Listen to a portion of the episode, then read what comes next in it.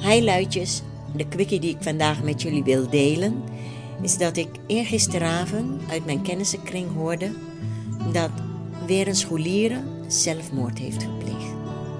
Het is heel erg voor de achterblijvers, maar ook voor deze jonge meid die om wat voor reden dan ook het leven niet meer zag zitten. Ik weet niet of jullie je realiseren, maar in deze fastfoodcultuur van alles hebben en het moeten en waar niks meer gewoon simpel mag zijn, is dat het zelfdodingpercentage onder jongeren tussen 12 en 17 jaar gigantisch aan het stijgen is. En daar zijn wij met z'n allen debet aan. Ja, wij met z'n allen. We hebben het steeds drukker. Het is echt een modewoord geworden. We hebben niet even tijd om de aandacht aan iets te geven. Het komt later wel. En we klagen en blijven klagen.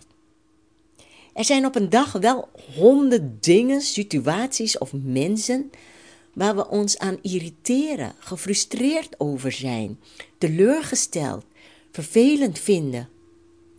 En weet je, het helpt niet. Het lost het probleem niet op. Het is juist besmettelijk, dat klagen. Want dat klagen, dat geven we door. We creëren het om ons heen en trekken juist meer problemen aan. Het helpt niet om te klagen over iets wat al is gebeurd. Want het is morgen door het klagen niet ineens opgelost. Het wordt ook niet ineens beter. Vaak zie je dat het probleem groter wordt. Creëer dus een omgeving waar we benaderbaar zijn.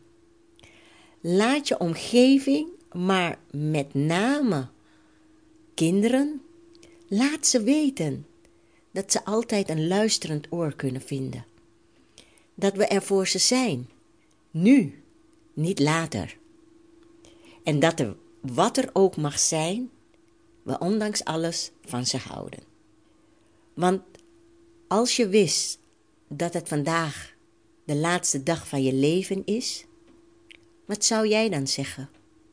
Als je wist dat het vandaag de laatste dag van je leven is, hoe zou jij je gedragen tegen de mensen in je leven?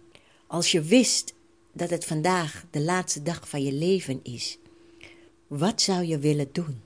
Dus stop een hele dag of een heel weekend of voor de rest van je leven met klagen en zie wat er in je leven verandert. Het geheim van alles hebben is weten dat je het al hebt.